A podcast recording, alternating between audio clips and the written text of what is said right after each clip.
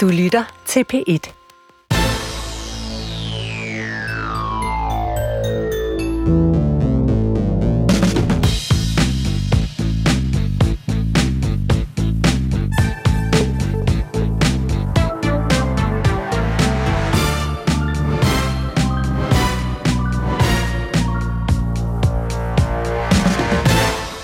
Goddag og velkommen, Jakob Jensen. Goddag, og tak for at jeg måtte komme. Minister for Fødevare, Landbrug og Fiskeri.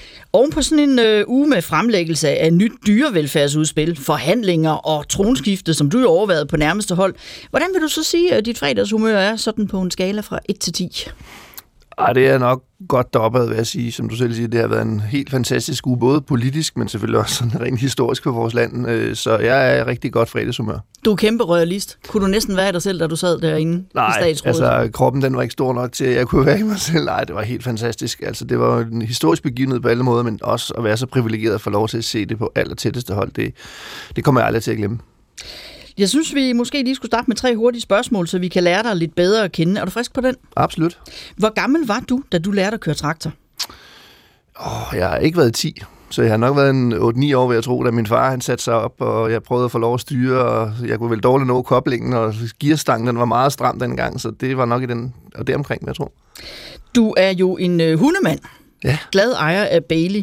Hvis man sådan skulle sige, hvilken hunderace vil du sige, din egen personlighed ligger tættest op af? Eller spurgt sådan lidt 90-agtigt, hvis du var en hund, hvad for en hund ville du så være? Ja, nu er Bailey en øh, glad brun labrador. Øh, den er glad for mad, øh, og den er altid glad, når jeg kommer hjem, og også sjovt nok, når jeg er ikke så glad, når jeg kører igen, men så jeg vil, tro, jeg vil nok beskrive mig som en labrador. Og øh, når du så står ved køledisken i supermarkedet, er det så kødet med dyrevelfærdsmærket, eller er det det billigste kød, der ryger ned i kurven? Ja, desværre er det sådan, øh, jeg ved ikke, kan sige det desværre, men rent praktisk er det sådan, at det er nok mest min hustru, der handler ind, fordi jeg bruger tiden på at passe min butik ind i ministeriet og andre steder.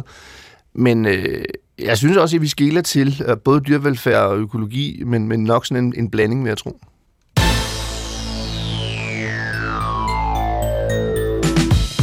Der skal skubbes til landbruget, men produktionen skal ikke skubbes ud af landet. Jakob Jensen har sat sig ved forhandlingsbordet for at lande Danmarks første dyrevelfærdsaftale.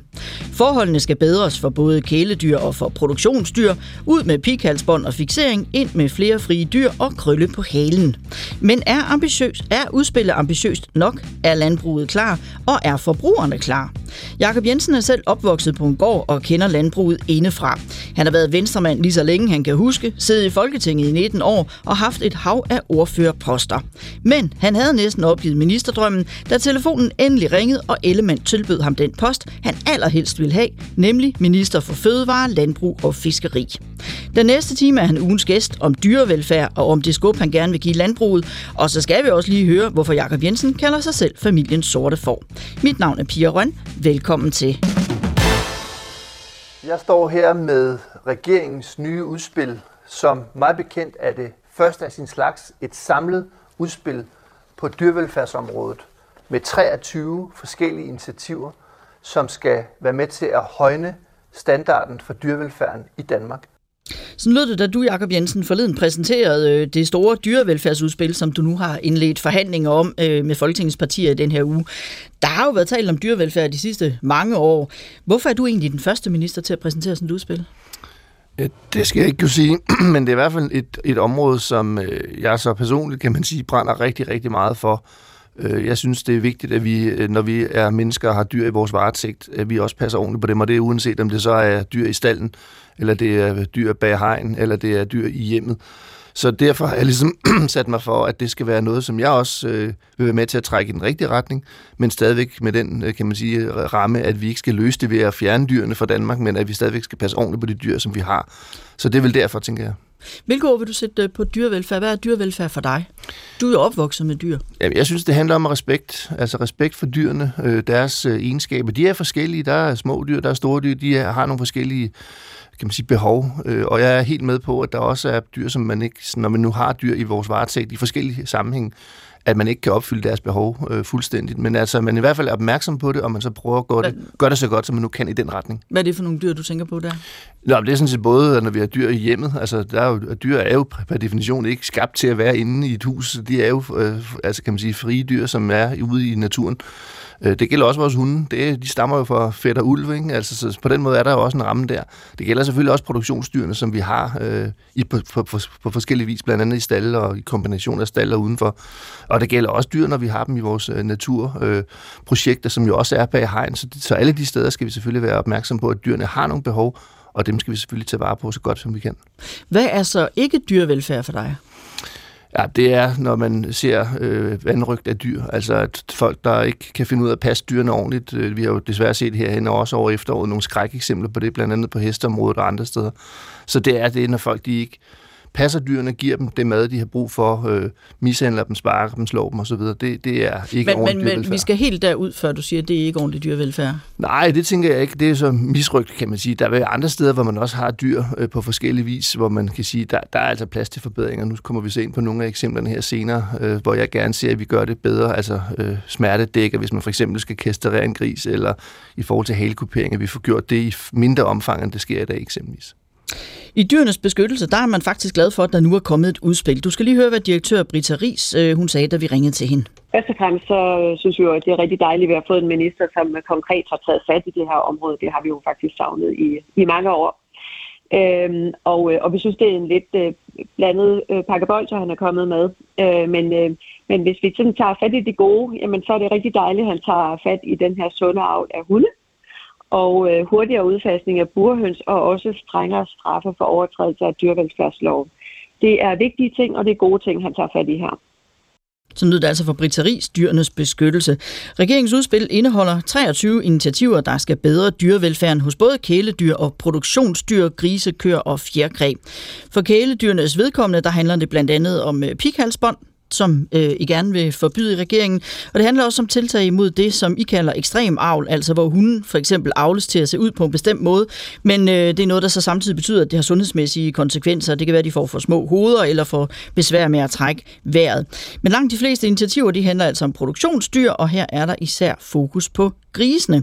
Der produceres 30 millioner grise årligt her i Danmark, og det er også øh, Danmarks, øh, en af Danmarks største eksportvarer. Men de senere år, der er det ligesom gået tilbage med velfærden blandt grisene. Hvordan kan det være, Jakob Jensen? Jeg tror, man skal være pas på med at, at generalisere for alle landmændene, fordi der er jo nogen, der er rigtig, rigtig dygtige, og som har meget, meget fokus på det her. Det gælder både de økologiske besætninger, det gælder også de konventionelle. Og så er der nogen, som ikke har lige så meget fokus, eller er lige så dygtige til det. Og det er jo der, vi skal finde de gode eksempler, og også øh, samtidig både give de gode eksempler, men også give et, et skub i den retning, så der er et men, bedre Men, men uden at skal, øh, generalisere, så kan man jo sige, hvis man ser på det generelt, så er det gået tilbage. Hvordan kan det være? Jamen, jeg tror, det handler også om, at man er i en, en konkurrencesituation med, med udlandet, øh, og, og det er, som du siger, det er jo et eksportvare øh, i stor stil, øh, og, og det skal man selvfølgelig også være så bevidst om, når vi laver et dyrevelfærdsudspil, at vi stiller nogle krav. Vi kommer til at stille øh, krav også til produktionen af, af grise i Danmark, men vi skal også stille kravene på en måde, så det stadigvæk kan være sådan, at man kan have den produktion i Danmark, fordi jeg vil ikke løse dyrevelfærdsproblemet i Danmark ved at sige, nu skal vi ikke længere have den produktion, fordi så vil den produktion finde sted i andre lande under andre vilkår, under dårlige dyrevelfærdsmæssige regler. Og derfor vil jeg meget hellere i samarbejde med erhvervet og samarbejde med dyrenes beskyttelse og andre NGO'er, som har forstand på de her ting, finde den rigtige balance. Hvorhen er det, det rent faktisk kan flytte noget, men uden at det betyder, at vi flytter problemet til udlandet. Et af de steder, hvor det går i den forkerte retning, det er i dødeligheden blandt pattegrise. Hver dag dør der 29.000 pattegrise. Det er altså mere end 10 millioner om året. Nogle af dem dør naturligt, mens andre dør af sult og kulde. Det er jo helt vilde tal, tænker jeg. 29.000 dagligt. Jamen, det er helt vilde tal. Nu er der også, selvfølgelig også spørgsmålstegn ved tallets præcise størrelse, men det er et stort tal. Men man skal også huske, at naturen selv i den rene form, den er også barsk, og der er altså også dyr, der dør hver dag af sult og øh, tørst og øh, Jo, men nu har kulde. vi jo vores varetægt, som du siger, hvor vi skal yes, have respekt for dyrene. Netop, og det er derfor, det gør den forskel, at når vi netop har den, øh, det ansvar for dyrene, at vi så også skal passe øh, ekstra godt på. Øh, og der er selvfølgelig mange steder, hvor man kan sætte ind, og det handler, tror jeg, først og fremmest om, at de medarbejdere, som arbejder med dyrene, at de også er særlig opmærksom på det. De også har særlig kendskab til det her. Og det kan vi se de steder, hvor de virkelig arbejder med det, vi kalder management, der gør det altså en forskel. Og vi kan så til gengæld også se de steder, hvor man ikke gør det. Og det er ikke fordi, der er noget forkert i at hente øh, ukrainer eller polakker eller andre ind og arbejde i vores øh, stalle, som der er rigtig mange, der gør.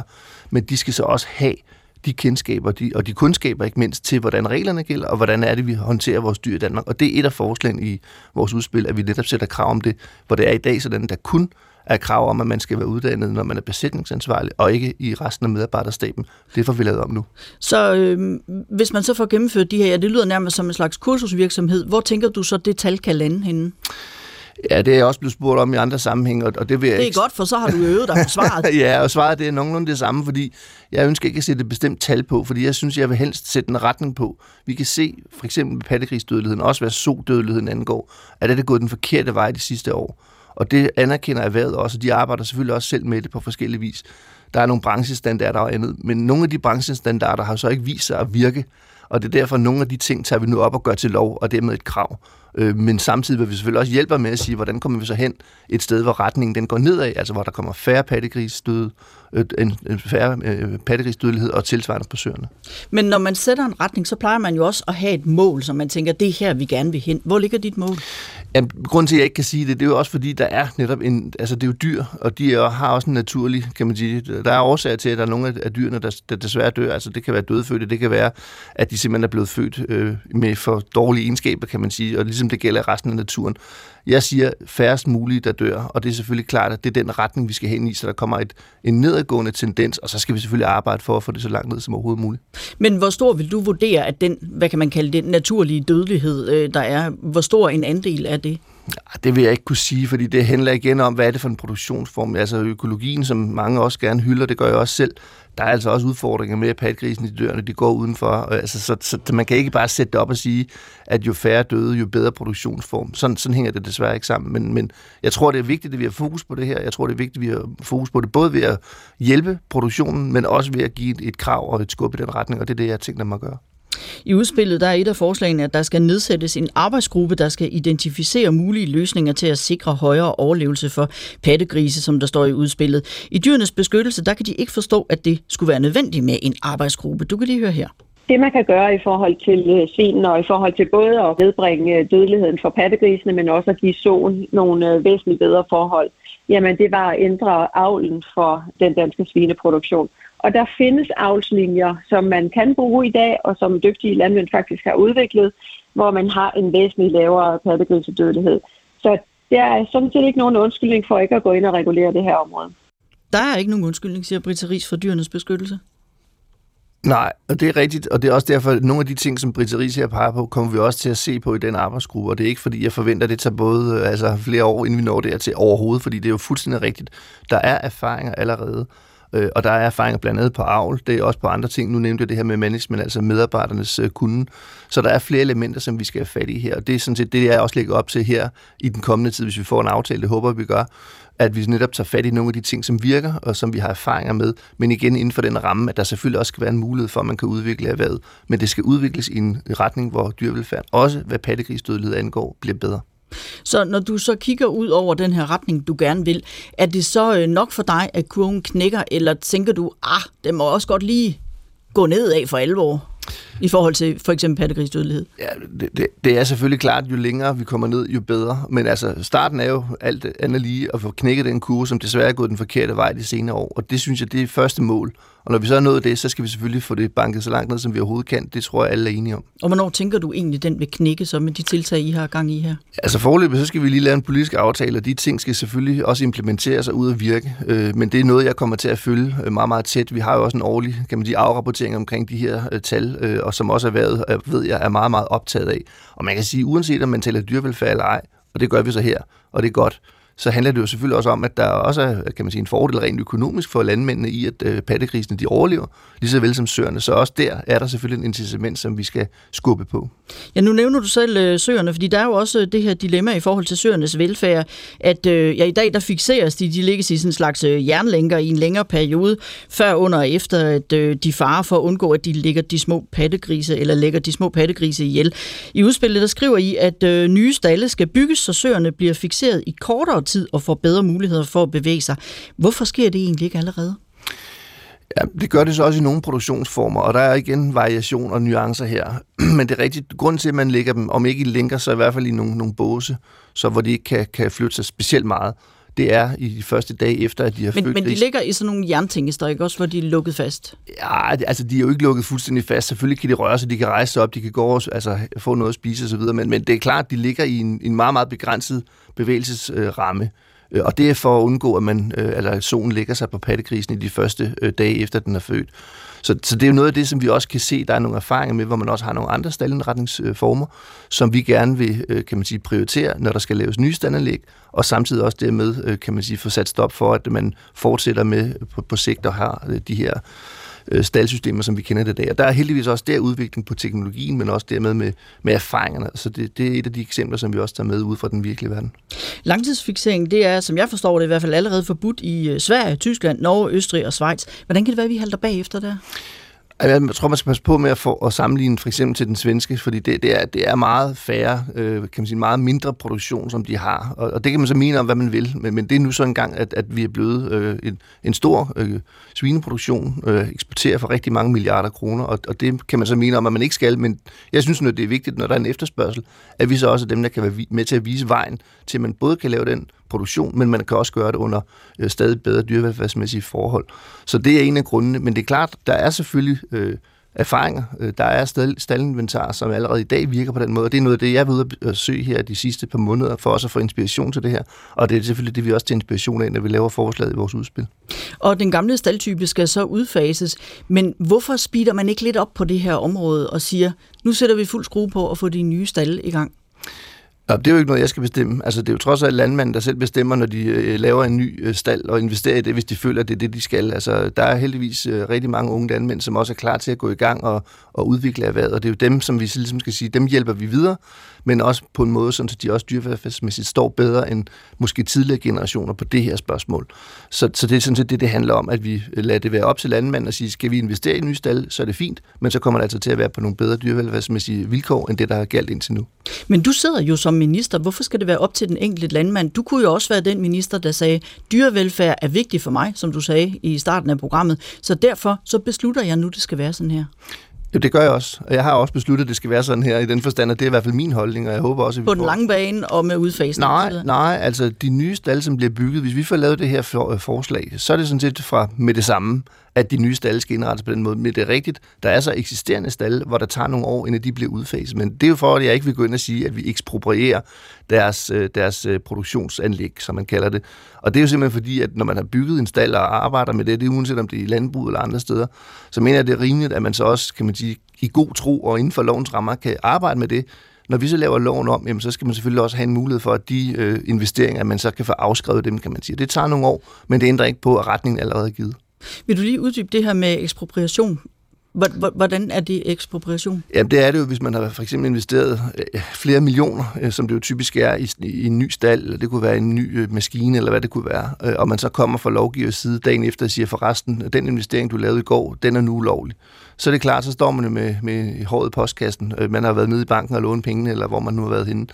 Og, og derfor vil det selvfølgelig være, at man så fjerner værdien af det, som man troede var lovligt i går, som så lige pludselig ikke længere er det. Så det er jo den vej rundt, vi skal. Hvor lang tid det så tager at få, få det udfaset, det vil selvfølgelig tage nogle år. Men de nye stalle, de kommer ikke til at være bygget med de her inventar, hvis det står til mig.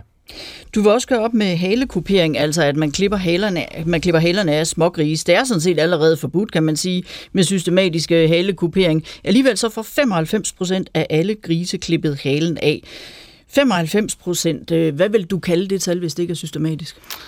Øh, nej, men det er systematisk. Altså det er også sådan, jeg oplever det. Øh, og det er også derfor, vi siger, at det skal der både i forhold til det tilsyn, som vores øh, fødevarestyrelse, fødevarestyrelse med dem, der er tilsynsførende på, på fødevare, eller dyrevelfærden her i Danmark, de skal målrette den, den del af det, men så skal vi selvfølgelig også, fordi det er jo ikke ulovligt at halekupere, men det er ulovligt at gøre det systematisk, men det er sådan, at hvis man kan dokumentere det over for en dyrlæge, og derfor dyrlægen, der vurderer det i orden, at alternativet ville være ret meget værre, altså at grisen de gik og bed hinanden i halerne, som er problemet, hvis man ikke får halekuperet, så må man gerne halekupere. Men for at give et incitament til, og dermed også et tilskud til, at de så eksempelvis landmanden giver noget mere rodemateriale til, til pattegrisene.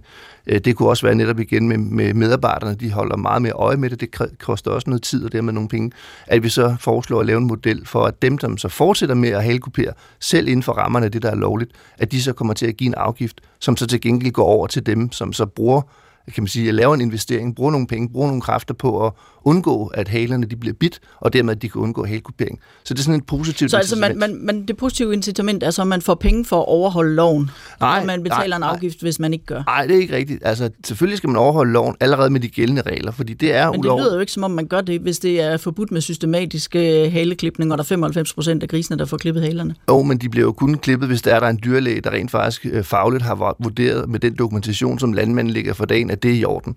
Så jeg vil godt understrege, det er ikke sådan, at vi giver penge for, at man skal overholde loven. Selvfølgelig skal man overholde loven allerede. Men jeg vil jo gerne have, at der er et positivt incitament til, at der er landmænd, der siger, okay, det koster noget ekstra at komme væk fra, at de bider hinanden i halerne. Det er noget rodemateriale, det er noget bedre management for vores medarbejdere med videre. Det koster nogle penge.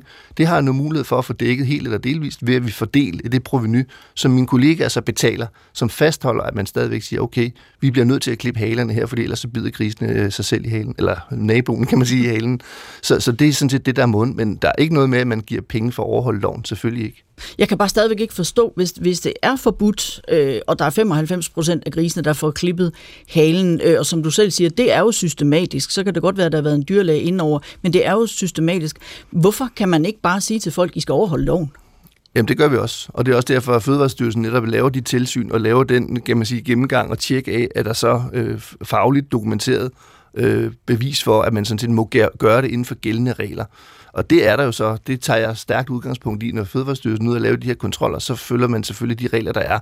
Men min pointe er sådan set mere, at hvis man skal væk fra, at man så inden for lovens rammer kan halekopere, fordi at man ellers kunne se de her halebid, så kræver det nogle investeringer, så kræver det noget mere rådmateriale, det kræver nogle bedre medarbejdere opmærksomhedspunkter, som koster noget. Og for at komme derhen, hvor man siger, det vil jeg egentlig gerne arbejde efter, så kan man sige, lave den her omfordeling, hvor man siger, at dem, der fortsætter halekopier, de giver en afgift af en eller anden størrelse, og så giver de penge over til dem, som så arbejder med, at halekupering ikke skal foregå, fordi man så kan gøre noget andet i stedet for. Det er det, der er pointen her. Hvor højt forestiller du, den der afgift skal være? Bare sådan slag på tasken? Ja, det skal vi lige have fundet ud af, fordi det handler selvfølgelig også om, at den skal jo ikke være så høj, som vi kan sige nu igen med det her med konkurrenceevnen, men overfor det står så også, at den skal være så høj, sådan set rent faktisk gør en forskel. Men, men vi har ikke sat noget tal på, og det skal vi selvfølgelig have nogle, nogle vurderinger også for dyrlægerne og for andre, der arbejder med det her, så vi konkret kan gøre det her, men det er heller ikke noget, der kommer til at tage tid. Det kommer vi også til at gøre umiddelbart for længe forlængelse det her forhåbentlig øh, snart brede aftale, som vi, øh, jeg håber i hvert fald at indgå inden for, for kort tid. For jeg tænker alligevel, hvis, hvis, øh, hvis loven er, som den er nu, hvor der står, det er forbudt, øh, så skal den vel alligevel være, være rimelig høj, hvis, øh, hvis man skal have folk til at rette sig efter det. Nej, altså igen for at understrege, man skal rette sig efter loven, og det er allerede den lov, der gælder i dag. Men det er klart, at der skal være et skub, hvor man siger, at det rent faktisk godt betale sig at arbejde efter ikke at halkopere øh, ud fra den betragtning, at det selvfølgelig også koster noget investering. Så, så det er det, kan man sige, den balance, vi skal finde, så det både er sådan, at man kan fortsætte med at have sin produktion, men samtidig også, at det giver et skub i den retning. Så det skal vi selvfølgelig have fundet ud af med nogle, nogle fagfolk, som kan give os nogle indspark til det. Jeg synes, vi skal slutte denne runde med øh, dyrenes beskyttelse igen. Her er det øh, direktør Brita Ries. Det vi virkelig mangler, det er jo, at man tager hårdere fat omkring de udfordringer, der er ude i svinestallene. Fordi det er nogle meget bløde formuleringer, man har øh, omkring de udfordringer, der er. Og det er jo noget, man har arbejdet med i, øh, i Danmark i over 10, og vi er helt tilbage til, til 1994 i forhold til, at man har, har set på de her problemer, og det har øh, man ikke gjort noget ved, fordi det har været præget af frivillige ordninger. Så vi savner, at ministeren kommer med konkret lovgivning på det her område, fordi han, det han igen kommer til at gøre, jamen det er det her med at øh, nedsætte nogle arbejdsgrupper og ligesom at indikere, at det må vi også se på. Der mangler vi noget konkret lovgivning. Hun mangler konkret lovgivning. Kan du love hende det? Ja, det kan jeg godt. Fordi det er det, der er hele pointen her. Man kan sige, at noget af det kræver lovgivning, noget af det kræver bekendtgørelse, men det tror jeg, det er sådan set grisen nok ligeglad med udstallen, når det kommer til stykket. Det her, det handler om, at vi har en stribe initiativer, som hvor noget er noget, der kan umiddelbart implementeres.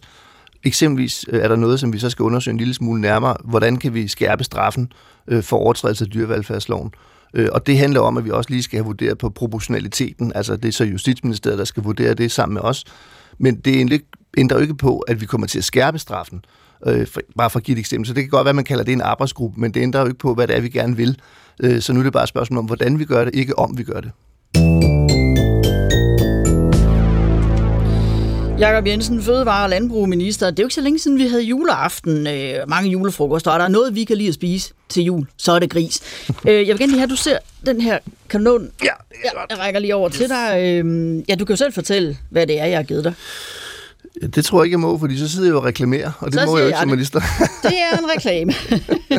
det er en reklame for et stort dansk supermarked, øhm, og hvis vi lige kigger ned i venstre hjørne, hvad sælger de? Ja, der er velsmagende grydeklar flæskesteg uden ben til næsten 10 kr. 9,95 per halv kilo. Det er godt nok billigt. Ja, tænker du øh, sådan en pris der, er det en god pris, eller er det for billigt? Jamen altså, det er jo et detaljhandel, der skal vurdere, hvad de vil ønske at sælge deres øh, produkter til, som de så har købt andre steder, og så i sidste ende er det så forbrugeren, der skal vurdere, om man vil øh, betale mere for det, end, end, end det, der er tilfældet her.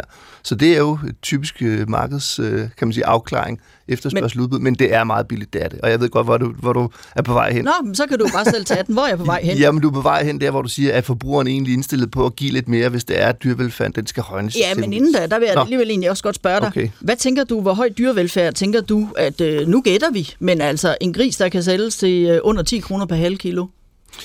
Ej, det tror jeg ikke, man kan sætte sådan op lige sådan en til en, fordi der er også priskrig, og det tror jeg, der har været hen over øh, juleperioden her på forskellige vis. Jeg har også set mælk blive solgt meget, meget billigt, og smør og andre de her slagtilbud øh, for at få lukket folk ind i butikken. De ved jo godt, at man skal bruge mælk og smør og nogle af de andre basisvarer, for så til gengæld måske at putte nogle andre øh, ting ned i indkøbskurven. Så det tror jeg ikke, man kan sætte op på den måde, men jeg er med på, at det handler også om, at vi selvfølgelig har en kvalitet i det, vi laver, som koster noget, og det skal man selvfølgelig også øh, i, som forbruger være klar til at give, hvis det vel er mærket den vej, man skal gå. Ja, nu nævner du selv forbrugerne og den vej, du tænkte, jeg ville hen, så lad os da bare tage den, øh, fordi øh, der står i udspillet, at det skal gøres nemmere for forbrugerne at vælge produkter, der er produceret med fokus på dyrevelfærd. At, hvem, hvem tænker du skal gå forrest her?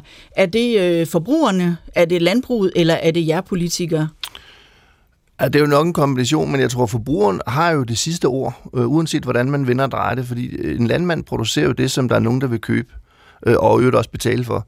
Øh, og forbrugeren er jo så den, der ligesom, kan man sige, kan stemme med fødderne eller med pengepunkten nede i, øh, i, øh, i indkøbscentret, hvis det er, at man vælger at sige, nu går jeg efter der, hvor der er et, et dyrevelfærdsmærke på eksempelvis, eller et økologimærke, eller hvad det kan være for et mærke. Nu kommer vi også øhm, inden for kort tid med et nyt klimamærke, som vi arbejder på. Så der kan være forskellige måder, som den enkelte forbruger heldigvis kan vælge frit, også i forhold til, hvad man har, har råd til. For det er jo ikke alle, der har råd til lige at give den ekstra, de ekstra penge, selvom det måske lyder lidt, men på et år, så bliver det selvfølgelig til noget. Så det skal man også have med, at der er nogle, nogle balancer der, som man skal være opmærksom på, men det skal være forbrugeren, der under et oplyst, øh, kan man sige, med et oplyst valg, kan netop træffe det valg, som man ønsker. Men tænker du, når du siger det her med, at forbrugerne stemmer med fødderne, øh, tænker du, at det her øh, dyrevelfærdsmærke, som jo blev indført i øh, 2017, for at det skal være nemmere for forbrugerne at vælge fødevarer med bedre dyrevelfærd, øh, og der kan gives en, to eller tre hjerter, øh, det er jo noget, som, som I også skriver i udspillet, at det vil I gerne øh, styre, styrke ved at, øh, ved at give en finansiering af mærket frem til 2027. Tænker du, at det er sådan et mærke, som kan ligesom skubbe forbrugeren, som så kan stemme med fødderne og skubbe til landbruget, så der kommer bedre dyrevelfærd? Ja, det tror jeg faktisk er et, men, men et er selvfølgelig mange forskellige tiltag. Men, men det, jeg tror faktisk, det har en betydning, at forbrugeren kan se, øh, om der er nogen, der har arbejdet for dyrevelfærden med et, to eller tre hjerter. Så er jeg så måske i tvivl om, om alle forbrugere lige præcis ved, hvad der skal til for at få et, to eller tre hjerter, men, men er det så ligge. Jeg tror faktisk, det har en betydning. Jeg ved også fra for, for producenternes side, der betyder det faktisk noget, at man siger, okay, jeg kommer altså op i hjerte 2-kategorien, eller, eller hvad det nu kan være. Så, så det har en betydning, øh, både for forbrugeren, men sådan set lige så meget også for producenten at sige, at man føler måske en lille smule stolthed over, at, at jeg er i en bedre kategori, end måske naboen er. Hvad, hvad tror du egentlig, sådan øh, danskerne over bred kamp øh, går mest op i? Er det øh, dyrevelfærd, eller er det en billigflæskesteg? Ja, altså, jeg må desværre konstatere, at det er en billig flæskesteg. Igen, uden at generalisere, fordi der er selvfølgelig mennesker, som, som også vægter dyrevelfærden højt, og det kan vi også se, at netop med dyrevelfærdsmærket, det betyder noget, og man har den mulighed. Men vi kan se, der har været eksempler, eksempelvis med de her hurtigt voksende kyllinger, som øh, Danbo og andre, øh, der arbejder med det, har udfaset, eller forsøgt at udfase, mm. for til gengæld at sælge nogle lidt dyre kyllinger, som vokser en lille smule langsommere det var der altså ikke et marked for. Forbrugeren ønskede det ikke, og, og det var så øh, et eksempel i hvert fald på, at, at det kræver noget også at øh, omstille til en bedre dyrevelfærd, fordi det også koster noget, og det skal der selvfølgelig være nogle forbrugere, der er villige til at betale for, og det er ikke desværre altid tilfældet.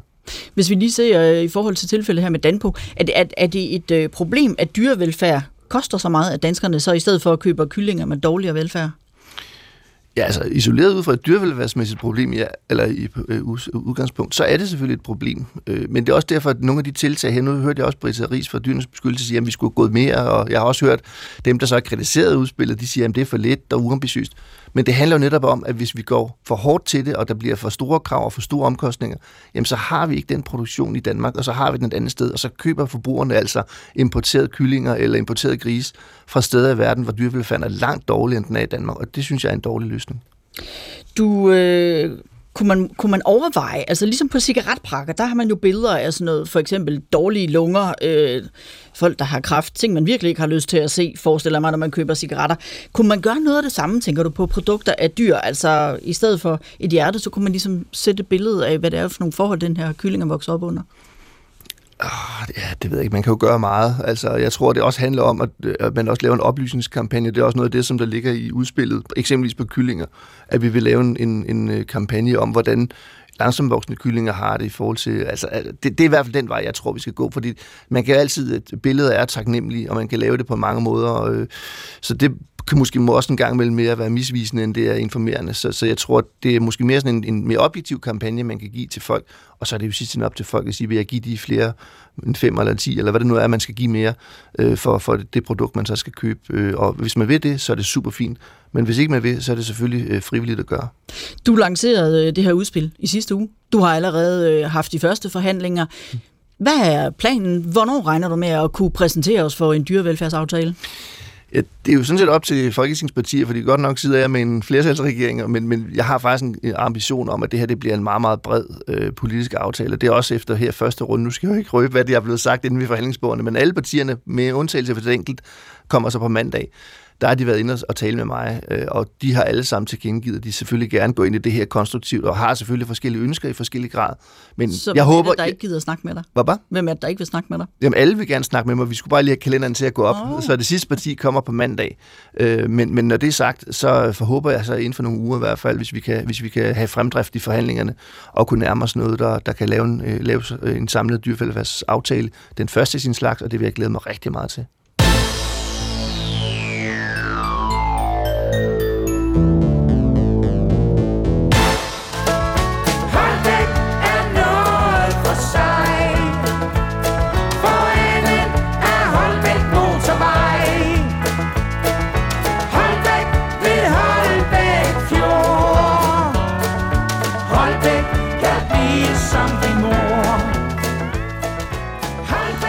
Ja, nu skal det handle om dig, Jakob Jensen. Øh, Peter Belle med sangen om Holbæk. Hvor tit har du sunget den? Ej, det har jeg nok gjort nogle gange. det tror jeg. Det er også en god sang. Og det har du øh, sikkert, fordi du er født i Holbæk 26. Øh, maj, opvokset på familiens gård gennem fire generationer. I, ja, jeg ved, du må simpelthen udtale, hvad det hedder i jeres by. Den hedder Nørvalnerød. Ja, det var da nemt nok. Nær Tølløse ved Holbæk. Hvad var egentlig det fedeste ved at vokse op på en gård? Jamen, det var jo kan man sige, pladsen og friheden til at kunne løbe ud over marken, være med i marken. Vi havde også dyr, øh, om end ikke mange, men vi havde nogen. Øh, så jeg tænker, og, og så også nærværet. Altså, det var, hvis ret skal være ret, så boede vi faktisk på den anden side af vejen i et lille husmandssted, og hvor det var min farmor og farfar, der boede på gården, hvor mine forældre nu bor i dag som jeg så øvrigt har overtaget ejerskabet af. Og hvis vi skal helt tilbage i tiden, så var det faktisk min oldefar, faktisk i år, for 100 år siden, der købte gården. Så på den, i, i 1924, 1924 yes. ja, så har I været fire generationer. Ja, jeg er fjerde generation. og, og det er selvfølgelig klart, det, der ligger noget historik og noget, noget hjerteblod i at være øh, på samme sted så mange, mange år. Min far plejer gerne at sige, at de har boet der i, i 100 generationer, eller noget, der minder om det. Men altså, øh, i området i hvert fald. Men, men det, det er nok friheden til at kunne gå ud over egen jord og have den naturoplevelse øh, lige rundt om hjørnet, tænker jeg. Og i dag øh, der er det så din øh, bror, der driver den, mens du står som ejer, og også hjælper med regnskaber og alt den slags mm. der. Øhm, lad os lige åbne døren på klem ind til dit teenageværelse. Hvordan, hvordan ser der ud? Øh, jamen, der ser... Jeg tænker faktisk i forhold til mine egne børn, der synes jeg, der var ret pænt ryddet op. Øh, nu skal jeg passe på, hvad man siger over for sine børn, men altså, jeg kan godt tænke mig, at der var i hvert fald nogle steder, der var lidt bedre ryddet op. Men dengang synes jeg faktisk, at jeg havde rimelig godt styr på tingene.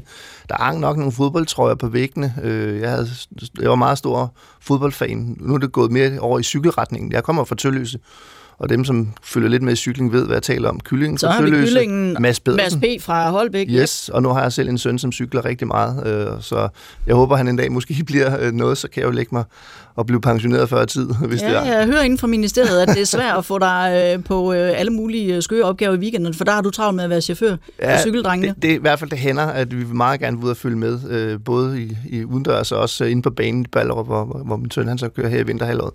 Men, men altså, det, det er selvfølgelig... Øh, det er et værelse, som, som, som så ud, som jeg tror, de fleste andre værelser gjorde, men, øh, men jeg, havde sådan, jeg synes, i albeskidene tror jeg ikke, der lå alt for meget rodet rundt. Hvad var det for nogle fodboldtrøjer, du havde hængende?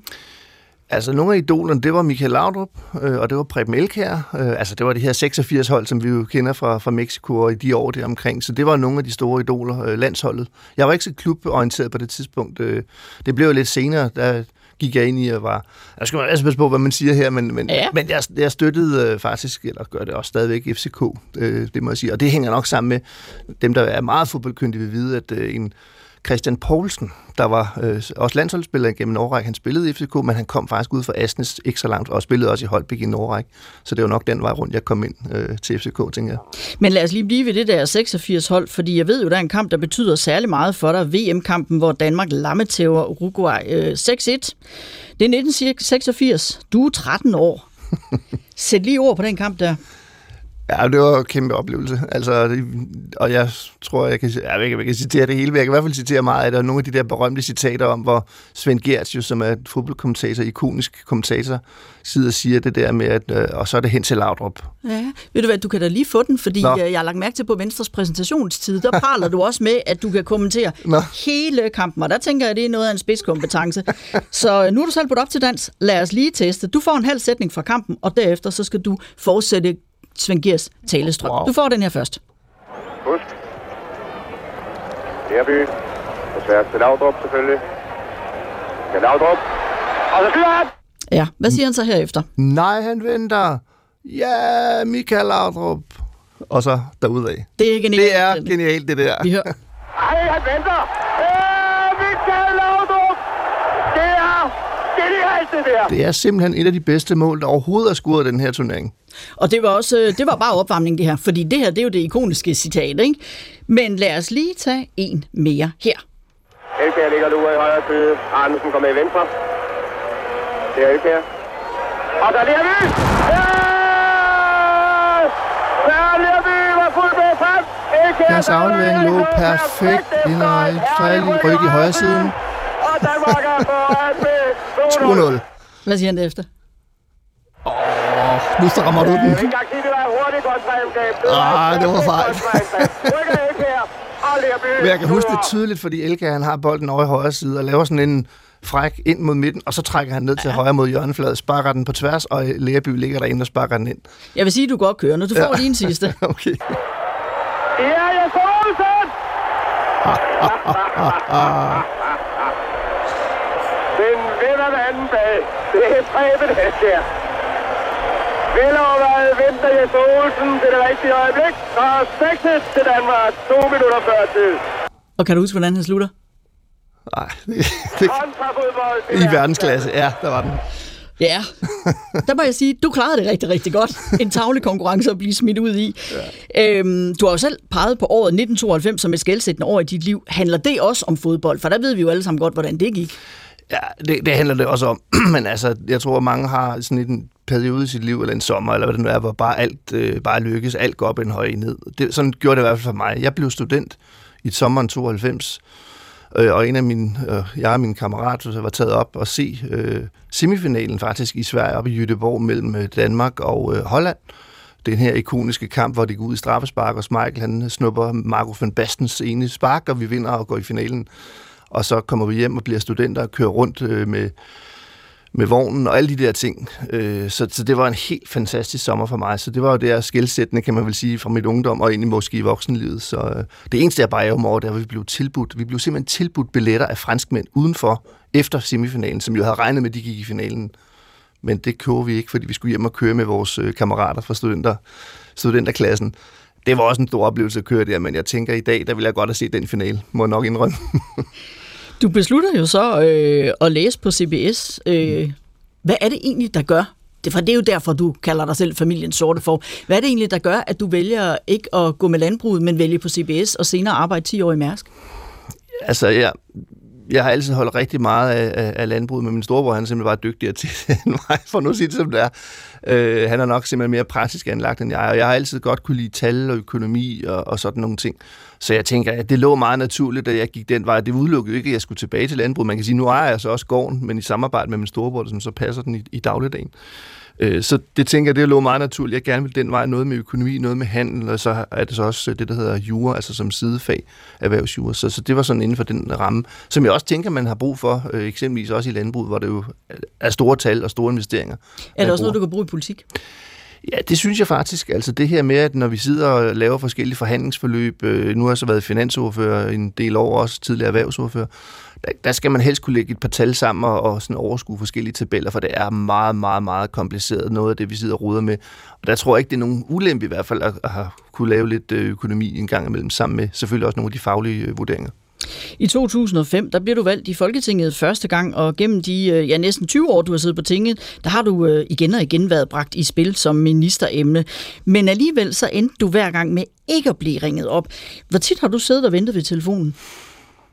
Ej, det vil jeg være lyve at sige, at jeg ikke har gjort det et par gange. Altså, øh, når der ligesom har været optræk til, nu skulle der ske en rokade eller efter et valg. Og, og, og det er jo også fordi, som du siger, det er jo ikke noget, jeg selv har fundet på. Det er jo noget, de mange dygtige journalister rundt omkring på avisen øh, eller, eller i fjernsynet har sagt, nu er det måske nok ham der, der skal til nu, og nu er det oplagt, og han har profilen og alt muligt. Men altså, jeg ved jo også udmærket godt, at det, det handler om så meget andet. Det handler også om øh, balancer, land og by og geografi og køn og alder og øh, alt sådan noget. Og det er jo bare, nogle gange er man heldig at være på det rigtige tidspunkt, eller det rigtige sted på det rigtige tidspunkt, og man lige passer ind i mosaikken, som det jo selvfølgelig er for enhver partileder, skal lave sådan en regeringskabal. Øh, og det gjorde du jo så lige pludselig. Øh, så ringede Jacob Ellemann til dig. Tag os lige med i det øjeblik, hvor telefonen ringer? Jamen, det kan jeg godt sige, for det var under øh, VM. Øh, det var så sent på efteråret der. Det var en semifinal, hvor Marokko spillede. De var underdogs. Jeg kan faktisk ikke huske, hvem de spillede mod. Men det er så også lige meget. Jeg kan huske, det var Marokko. De var lige blevet færdige. Klokken var halv 11. Øh, jeg siger til min hus, ah, det bliver nok heller ikke nu, og nu skal vi nok også til at gå i seng. 22.49 ringer telefonen så, og så kan jeg se, at det er Jakob der er i displayet, og tænker, wow. Ikke? Og så tager man røret og siger, nå, Hvordan er det så? Jamen, Jacob spørger, venlig mand, hvordan har du det? Jamen, jeg har det fint. Og så spørger han, om jeg vil deltage i, øh, i regeringen. Jeg siger, det vil jeg selvfølgelig rigtig gerne, men jeg bliver så meget glad, at han så siger, at det skal være landbrug, fødevare, eller fødevare, landbrug og fiskeri. Fordi det er, som vi nu har været lidt rundt om, det er jo der, jeg kommer fra, og det er også det, jeg brænder rigtig, rigtig meget for på alle mulige måder. Og at skulle arbejde med det, som man holder rigtig meget af, øh, og stå i spidsen for det politisk for sit land, det, det kan jo næsten ikke være større. Øh, jeg læste et ældre interview, hvor du siger, at øh, efterhånden så ved du faktisk ikke engang rigtigt. Der nævner du jo også, øh, at hvis du nogensinde skulle være minister, så skulle det være for fødevare og landbrug. Mm. men der siger du så også, at du efterhånden ikke rigtig ved, om du har lyst til at prøve at være minister, fordi det er et hestearbejde, som du formulerer det, hvor du ikke bare kan nøjes med 80 timer om ugen. Er det et hestearbejde? Ja, ja, altså det er selvfølgelig mange timer, man lægger i det, øh, og man kan sige, hvornår holder man fri. Det gør man jo sjældent i den forstand, at der er altid en telefon, der kan ringe, og man har altid tanker på det i en eller anden forstand selv øh, om aftenen, eller i weekenderne, eller andre steder. Så selvfølgelig er det det, men, men jeg synes, det er jo fantastisk privilegeret. Jeg ved godt, vi arbejder meget, meget hårdt, men man skal ikke have ondt af os. Det skal man ikke, fordi vi, vi har nogle muligheder også for at påvirke nogle ting i landet, som vi jo har brændt for øh, mange af os i mange, mange år. Så vi vælger det jo heldigvis selv i den forstand at sige ja til at få det tilbud. Øh, så, så man skal ikke undre os, men, men det er også hårdt arbejde, det er det. Men det er også enormt spændende og enormt givende, for man kommer også rundt og møder nogle mennesker, som man måske ellers ikke havde gjort, som jo også i sig selv er, er fantastisk at få lov til. Og selvom du er ny minister, så har du jo været i politik i øh, rigtig mange år. Vi har ringet til Jakob Brun, stifter og rådgiver i Brun Advisory, øh, tidligere toprådgiver i Venstre. Øh, vi spurgte ham, hvilke ord han vil sætte på dig som politiker. Jakob Jensen er jo ikke nogen folkeforfører sådan i, i klassisk forstand. Han er arbejdsom, han er flittig. Han er jo også en lille smule øh, nørdet. Og så er han seriøs, og, og det har nogle gange i politik den bagside, at man ikke altid får leveret de der øh, hårde punchlines eller de sjove øh, one-liners, som nogle gange skal til for at trænge igennem debatterne, trænge igennem øh, mediebilledet. Uden at blive alt for indiskret, kan jeg huske en, en situation for, det er sikkert 10-12 år tilbage, hvor Jakob og jeg sad på hans kontor, egentlig bare under fire øjne og talte sammen, egentlig om hans politiske ambitioner og hvad han egentlig gerne ville, og også om drømmen om at blive minister.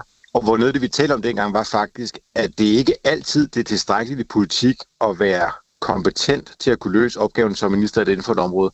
Man skal også på en eller anden måde have noget mere, noget gennemslag, noget x-faktor, noget et eller andet. Og det tror jeg egentlig også, Jacob har været bevidst om, at hans, hans rolle har meget været den der seriøse. Og det måske også betydet, at der egentlig gået længere tid, end mange havde spået og mange troede, før Jacob blev minister. Så han er, øh, han er lidt mere sådan den der hårdt arbejdende flittige type, end han er den, som brænder allermest igennem i debatterne.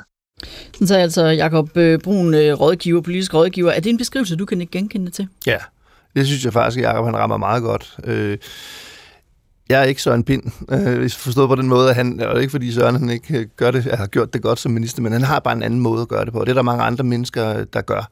Jeg har bare valgt, og det skal ikke lyde højtravn på nogen måde, men jeg har bare valgt at være tro mod mig selv i den forstand, at jeg ikke skal prøve at lave mig om og lave mig mere sjov eller anderledes, eller mere one-liners, end, end jeg måske selv kan, kan se mig i. Og så kan man sige, jamen har det så gjort, at jeg ikke er blevet minister før? Øh, det kan godt være. Men, men det må så være sådan, øh, fordi øh, jeg vil gerne kunne vise også ud til, at det jeg står for, det er også, som Jacob også rigtigt siger, øh, hårdt arbejde, også forstand på det, som jeg prøver i hvert fald at forstand på det, som jeg arbejder med, og så må det jo så se, om det, om det bringer det øh, til det. Jeg tror sådan til gengæld også, at nu præcis når det er netop med fødevare, landbrug og fiskeri, det håber jeg i hvert fald, fornemmer også, at der er en vis respekt for, at det så er en, der prøver at sætte sig godt ind i et erhverv, som måske øh, har nogle svære vilkår, også slå igennem i mediebilledet, hvor det nogle gange er meget sådan de har også været øh, ude og øh, forurene, de har også været dårlige ved dyrene, de har også gjort alt muligt skidt, og sådan er det jo heldigvis ikke. Og den forståelse, den tror jeg, jeg kan bibringe landmændene, at jeg også er en del af, af kan man sige, nuancerne på det her, og også har en forståelse for deres, øh, deres baggrund. Kunne du så ikke også have nogle blinde vinkler egentlig? Jo, altså forstå mig ret. Du selv går ejer. jo, øh, og det er jeg selvfølgelig rigtig meget bevidst omkring. Men jeg tænker også, apropos med vores dyrevelfærdsudspil, eller mange af de andre ting, øh, som vi, vi, vi laver, der håber jeg, at jeg kan også vise øh, i Folketinget, det håber jeg også mine kolleger, de vil anerkende, at jeg prøver at være den her mere nuanceret og mere, øh, hvad skal man sige, brobyggende mellem erhvervet på den ene side, og måske øh, de mere hårdt slående, kan man sige, folk på den anden side, som, som vil noget helt andet. Og så lave den brobygning, hvor vi kan flytte ting i den rigtige retning, men hvor det flyttes på en måde, så alle kan følge med. Nu siger du selv det her med, at du har valgt at være tro mod dig selv, og ikke klovne rundt. Øh, det ved jeg ikke, om var de ord, du sagde. Det, det er mig, der digter nu. Men øh, som politiker, der bliver man jo også øh, målt på synlighed og popularitet. Øh, I december, der kom der for eksempel en øh, måling, hvor du ligger anden sidst øh, blandt ministerne. Nu skal jeg altså lige med det samme sige, at øh, det er jo alle ministre på nær fire, der ligger i minus på den her liste, så det er heller ikke, fordi de andre er sådan helt op at ringe. Men hvordan har du det egentlig med sådan nogle målinger? Nej, selvfølgelig vil man da altid gerne ligge øh, i toppen af alle mulige målinger, øh, specielt hvis det er popularitetsmålinger. Men det har jeg det egentlig okay med. Altså, vi arbejder selvfølgelig på det, også i forhold til synlighed. Nu sidder jeg jo her, og det er jeg jo rigtig glad for øh, og prøve at komme ud med nogle budskaber, men, men, men jeg har det også omvendt sådan, at jeg vil ikke bare ud med nogle budskaber, bare for at komme ud med nogle budskaber. Der skal også være noget substans i det. Jeg kan da godt øh, se, at der er nogen, der er mere kendte, men nogle gange er de også mere kendt for noget andet end måske det positive, og det synes jeg måske heller ikke er en, en målstok, jeg vil, jeg vil gå ind i. Så det handler selvfølgelig om at, at være både tro med sig selv, men selvfølgelig også være bevidst om det, som også øh, Jacob Brun her han siger, og andre siger, jamen det handler også om gennemslagskraft, og det er jo selvfølgelig noget af det, som vi arbejder med, men, men min pointe, det siger jeg også gerne, det kan min medarbejdere i ministeriet skrive under på, at for mig, der handler det om, at det er det indholdsmæssige, der skal drive kommunikationen. Det skal ikke være kommunikationen, der driver indholdet, og, og det vil jeg stå fast på. Det kan godt være, at du ikke er højdespringer i de her målinger her, men til gengæld så er du åbenbart vældig populær hos øh, kollegerne. Vi har ringet til to kolleger, som tidligere har været politiske modstandere. Her får du først øh, Socialdemokraten, udlændinge- og integrationsminister Kåre Dybvad Bæk, som er en af dem, du har øh, været på valgturnéer med. Jamen, jeg synes, Jacob er, altså, er først og fremmest en person, der er meget lojal, og som øh, tænker over, hvordan tingene er på lang sigt. Han går aldrig efter en hurtig gevinst, og han er øh, ærlig i forhold til også at sige, hvad han er uenig i, og man kan altid, synes jeg, regne med at få et klart svar og ærlig kritik fra, fra Jacob, og det, det synes jeg er rart. Altså det med, at, at der er så meget soliditet i ham, og så meget øh, troværdighed. Og så synes jeg også, at han er meget lun. På et tidspunkt så var der en debat, vi havde, det var ude på et bryggeri i, i Svindinge i Nordvestland, hvor at, øh, at der var nogen, der sagde, hvad, om ikke vi kunne prøve at kigge på, hvad vi også var uenige i. Øh, fordi nogle gange, så, jeg tror, vi har hver især holder meget af hinanden, og derfor så, øh, så nogle gange så endte vi altid med kun at snakke om det, som, som vi sådan kunne blive enige om. Og så besluttede jeg mig for efter det at sige, at, at hver gang jeg var i debat med Jacob, så kunne vi altid komme ind på landbruget, fordi der var jeg i hvert fald sikker på, at, at vi kunne finde nogle ting at, at, at være uenige om. Så altså, Kåre Dybvad Bæk, hvordan er det egentlig nu at være øh, kollega med en tidligere politisk modstander? Ja, det er faktisk rigtig godt. Altså, jeg har jo selv i al beskedenhed været en af dem, der argumenterede for på et tidligt tidspunkt, at, at, at Venstre og Socialdemokratiet skulle prøve at finde sammen i et eller andet samarbejde, og endda også i et regeringssamarbejde. Det fik jeg lidt skæld ud over dengang, men nu er det så blevet sådan. og det handler også om for mig, at at, at det kan godt være, at vi kommer, og det gør vi fra forskellige udgangspunkter, og vi er heller ikke enige selvfølgelig om, om alting, det, det siger sig selv, men at vi ligesom finder øh, hinanden i, i det fælles ansvar, der skal være at, at drive øh, Danmark, og det er Kåre i hvert fald også eksponent for, hvis jeg skal give lidt ros tilbage igen. Så det er rigtig sjovt at, at høre det her, som Kåre fortæller. Jamen, øh, så lad os da nappe endnu en socialdemokrat. Her er det Miljøminister Magnus Heunicke, vi har ringet til. I to har jo også været i mange valgdebatter, fordi I er opstillet i samme kreds. Lad os høre, hvad Heunicke siger. Jakob Jensen, han er faktisk en temmelig Øh, uh, usædvanlig politiker, og jeg kender ham rigtig godt, for jeg har været i utallige debatter med, med Jakob, siden vi var helt nye i politik begge to, ude på Sjælland, hvor vi begge to har stillet op øh, og stadigvæk gør det. Og det, der gør sig Jakob usædvanlig, det er, at han faktisk er utrolig godt selskab. Og det der med at få nogle hurtige, billige point på at angribe øh, og være sådan bisk, det, det er han ikke særlig god til, og han, jeg tror, han vinder enormt meget på at, at være sig selv og være det modsatte, nemlig at være en person, som er inde i sagerne, men går til opgaven på sådan en sympatisk måde. Og han er typen, som når vi har været i, i, i tv-debatter, virkelig stået og været hinandens modstandere, det har vi i valgkampen, så øh, jamen, øh, vil jeg ikke lige ind og have en kop kaffe inde hos ham i hans køkken og så videre, der på Sjælland, hvor han bor. Det er alligevel ikke alle, der har, der har lyst til, at vi skal kunne, kunne være gode kolleger, selvom vi jo i valgkampene har været på hver vores øh, partiliste og jo kæmpet om, om stemmerne mellem os. Ja, hvad er det med dig og de så der? Jamen, det er jo ikke kun øh, sosserne, som du siger. Altså, jeg er faktisk rigtig glad for det, Magnus også siger her. Og vi har jo også vores, øh, kan man sige, øh, haft vores kampe igennem øh, årene. Øh, men, men det ændrer jo ikke på, at, og, og det gælder både om det er Socialdemokrater, eller det er Danmarks Demokrater, eller Enhedsliste folk. Det, jeg har størst respekt for, det er folk, som øh, står på deres synspunkter og kan vil argumentere og er velforberedte. Og så kan man mene om alt muligt. Det har jeg kæmpe respekt for. Det er også det, når vi sidder og laver dyrevelfærdsforhandlinger her. Så, så synes jeg også, det er rigtig dejligt at se, at der er folk, der kommer, der kan også mene noget andet end mig, og vi skal noget helt andet. Men bare det, man har argumenterne i orden, og man kan, man kan stå i det og vise, hvor man har det fra, det synes jeg er fedt. Øh, så, og, og det kan jeg så også sige, det gælder også for de to kollegaer, som der nu her har beskrevet øh, mig.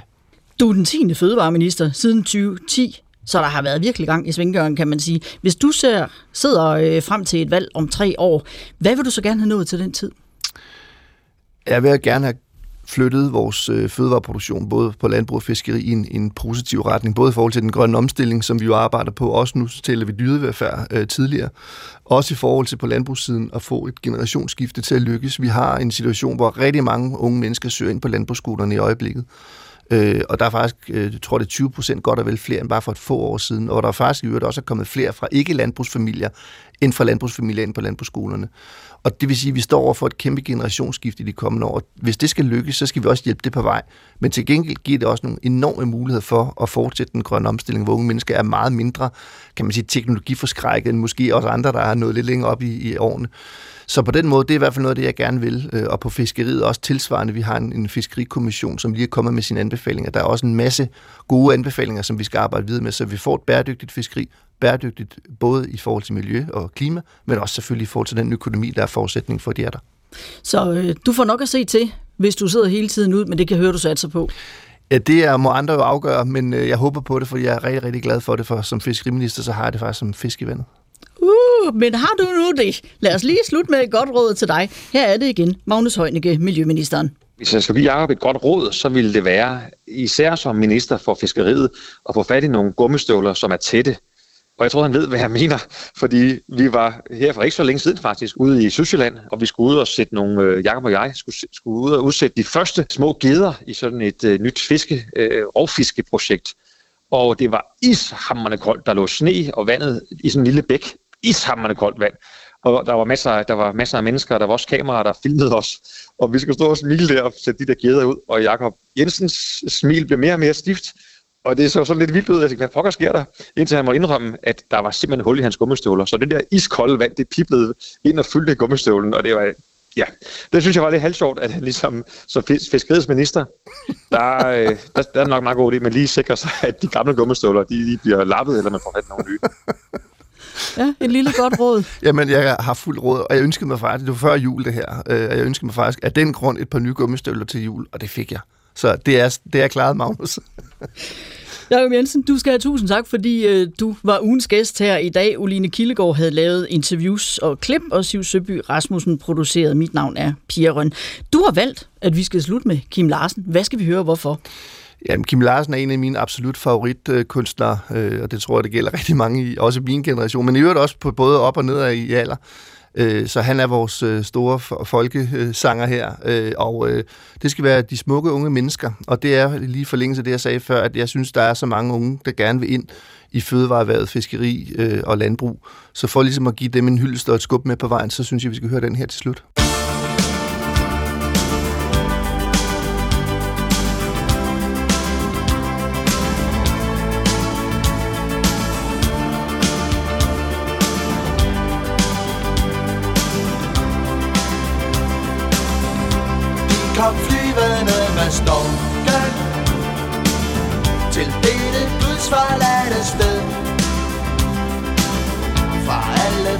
Fire verden shiner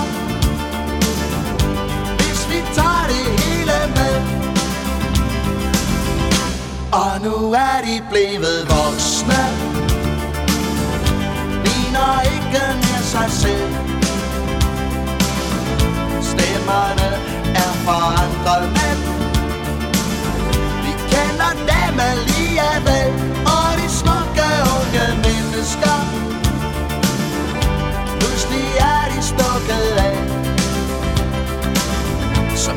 syge sommerfugle